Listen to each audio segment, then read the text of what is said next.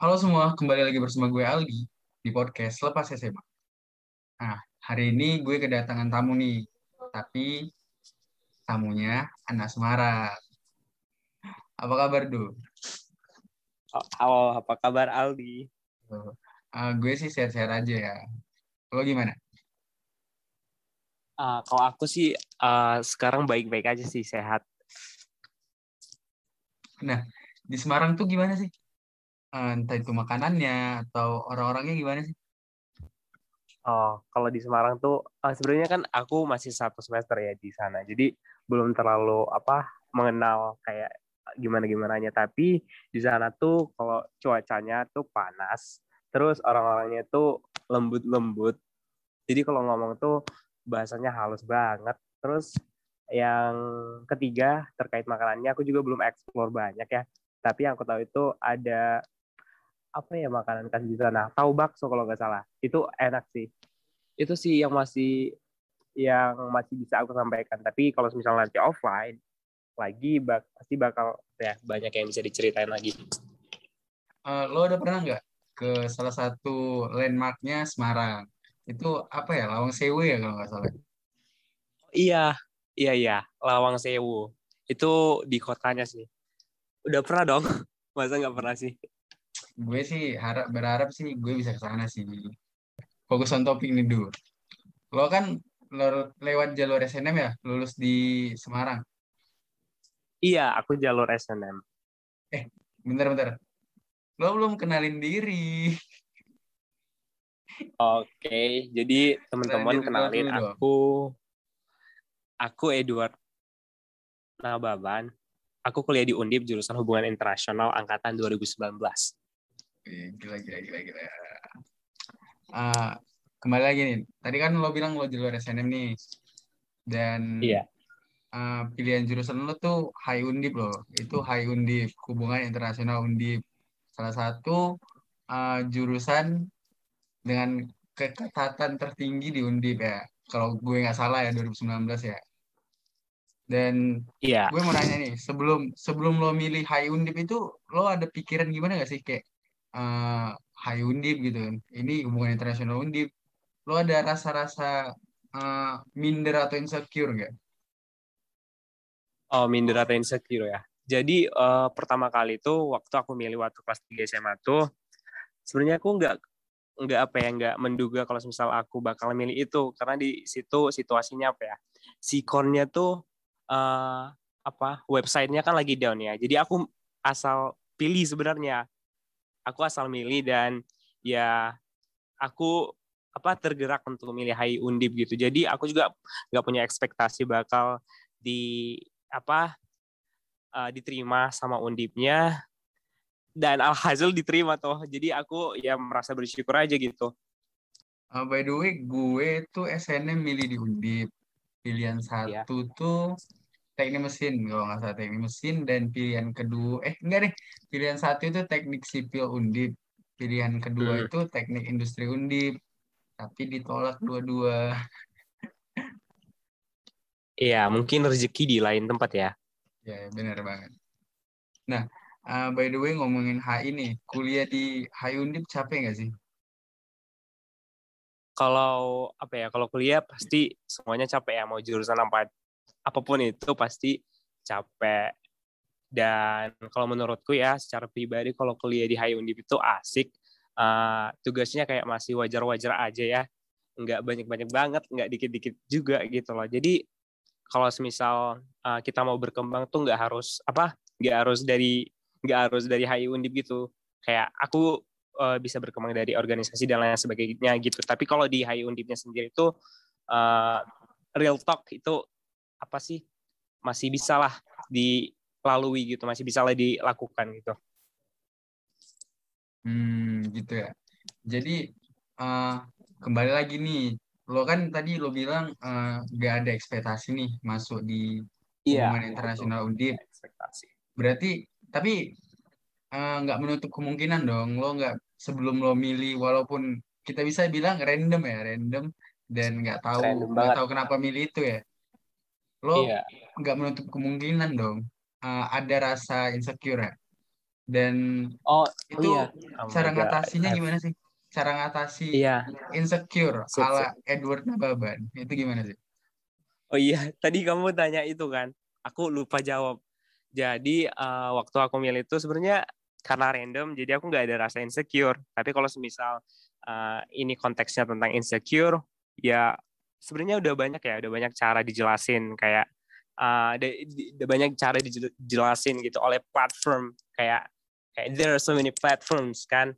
Uh, kalau dari aku sih yang aku lihat ya uh, yang pertama itu kita harus fokus ya jadi diri sendiri kita dan apa self love kalau istilah zaman sekarang kan ada self love kayak cintai diri sendiri. Terus yang kedua itu jangan pernah compare bandingkan diri kamu itu dengan orang lain gitu sebenarnya bisa tuh tapi kalau bandinginnya kayak masih apa ya dalam positif scale gitu lingkup yang positif. Jangan kayak sampai kamu tuh benci diri kamu gitu loh karena kami tuh ngebandingin orang lain. Terus yang ketiga tuh apa kelilingi dirimu dengan orang-orang yang sportif gitu. Cari peer group yang teman-temanmu yang apa yang membawa kamu ke jalan yang lebih baik lagi gitu. Yang buat kamu jadi berkembang hari demi hari. Terus yang ketiga eh yang keempat uh, coba apa? Gali kelebihanmu dan keunikan dirimu ya. Karena kan kita tahu ya semua manusia diciptakan uh, yang maha kuasa yang maha kuasa itu kan punya kelebihan ya dan keunikan masing-masing. Coba fokuslah dulu ke diri dan cari hal itu gitu. Itu sih yang harus kita tanamkan gitu. Karena zaman sekarang tuh uh, di era sosial media tuh orang-orang udah udah apa ya pusing hmm, suka bandingin diri orang suka bandingin diri dia sama orang uh, dan lain eh, sebagainya.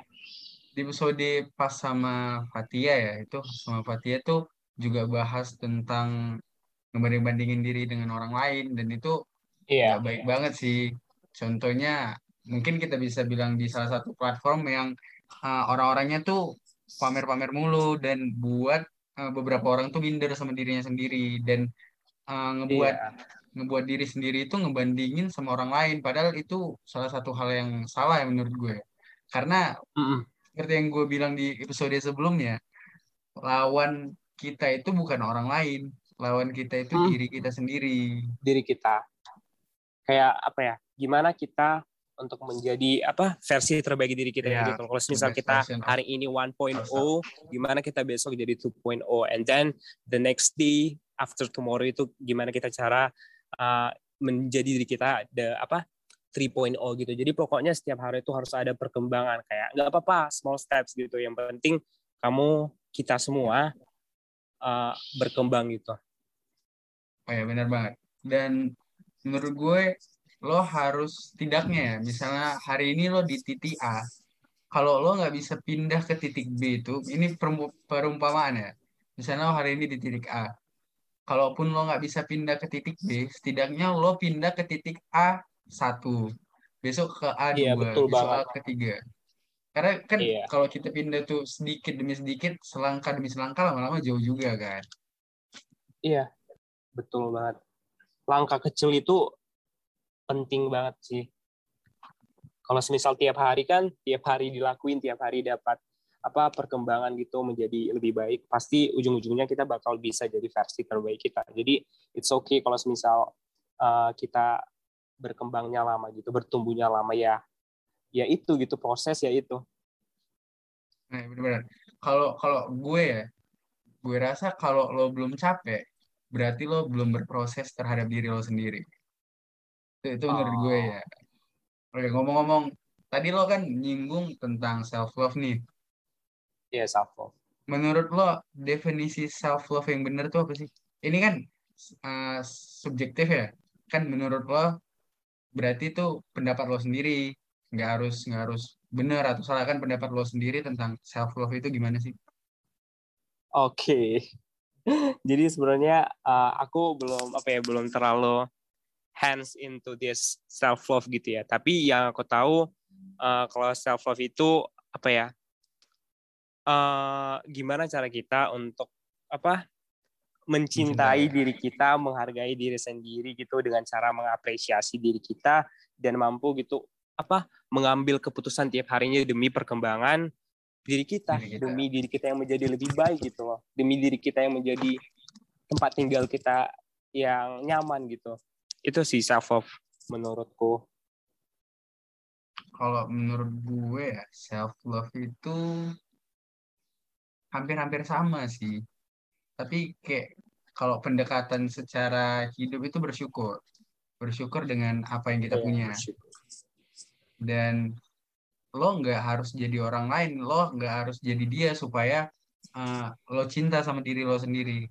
Karena di keadaan lo yang sekarang juga uh, lo itu nggak seberuntung orang yang di bawah lo dan lo nggak se, se apa ya sekuat orang yang di atas lo gitu karena kita belum tentu ya ada orang post di sosial sosial media itu dia ngepostnya liburan happy happy dan kita nggak tahu ya di belakang posan itu ada apa gitu. Kan kan orang iya. tuh menurut gue di sosial media tuh menunjukkan apa yang baik versi terbaik apa yang baik dari diri dia. Dan nggak mungkin lah orang betul menunjukkan hal-hal buruk di apa sosial media ya.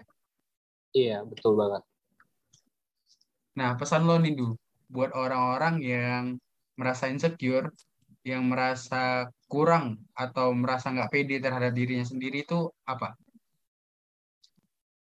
Uh, apa ya? Sebenarnya tuh aku juga bingung ya mau nyampain apa. Yang penting uh, jadi diri kamu, cintai diri kamu gitu. Kamu tuh mau berbuat gitu buat diri kamu, berbuat hal baik yang apa menyenangkan diri kamu yang membuat diri kamu tenang, menjadi pribadi yang lebih tenang gitu. Karena kalau misal kita tenang, kita menyikapi segala sesuatunya gitu kayak apa ya berdasarkan berbagai perspektif gitu. Jadi kita nggak gampang gitu dipengaruhi dan nggak gampang mengambil keputusan yang bakal nanti impactnya negatif sama kita. Jadi so kita harus jadi orang yang apa sih orang yang tenang gitu. Karena orang yang dewasa itu adalah orang yang tenang. Jadi kalau hmm. misal uh, kita masih apa apa itu uh, membandingkan diri kita sama orang lain, kita nggak mencintai diri kita, gimana kita cara gimana kita menjadi gimana kita menjadi orang yang tenang gitu sih. Uh, kalau jadi so please kayak become people. Pokoknya Iya sih, orang yang tenang. Karena pribadi yang dewasa adalah orang yang tenang. Uh, kalau menurut gue, bukan menurut gue sih, pesan gue uh, buat orang-orang yang insecure dengan cita-cita mereka, dengan cita uh, impian-impian mereka tuh, gue cuma bisa bilang jangan takut sih, jangan takut untuk nyoba, jangan takut untuk gagal, jangan takut untuk salah. Karena ya iya, betul selagi banget. masih muda, ya salah kenapa? Emang kalau salah kenapa kan? karena menurut gue kesalahan kebanyakan menurut gue sih kesalahan tuh menambah pengalaman dan pengalaman iya. itu mengurangkan kesalahan mengurangi kesalahannya nggak sih Iya betul banget karena orang yang nggak pernah salah itu adalah orang yang itu sih menurut ya, ya orang itu yang rugi. Orang yang rugi gak salah menurut gue itu ya. salah satu orang yang gagal. Iya. Nah, uh, mungkin kita udah di, di ujung podcast nih dulu. Kalau iya. boleh, yeah. uh, lo bisa ngasih quotes nggak buat temen-temen yang dengerin ini? Quotes dari lo. Aduh, quotes ya. Aku yeah. belum kepikiran sih quotes. Karena aku gimana kalau ditanya tiba-tiba gini ngeblur. Enggak, di sini uh, di sini balik lagi sih, ya. Di sini boleh balik lagi kok. sih. Iya, yang kayak tadi. Jadi coba jadi pribadi yang tenang. Itu sih karena aku lagi belajar kayak gitu karena aku belajar uh, lagi sedang belajar gimana cara gimana menjadi cara gimana cara menjadi pribadi yang tenang maaf ya kalau beli potan ngomongnya Gak apa-apa ini kan di sini kita eh, santai-santai aja ngomongnya uh, oke okay. uh, makasih buat Edu yang udah nemenin podcast hari ini makasih juga Aldi udah invite dan okay. had a little conversation lah Iya. Uh, gue Aldi. Sampai jumpa di podcast berikutnya. Dadah.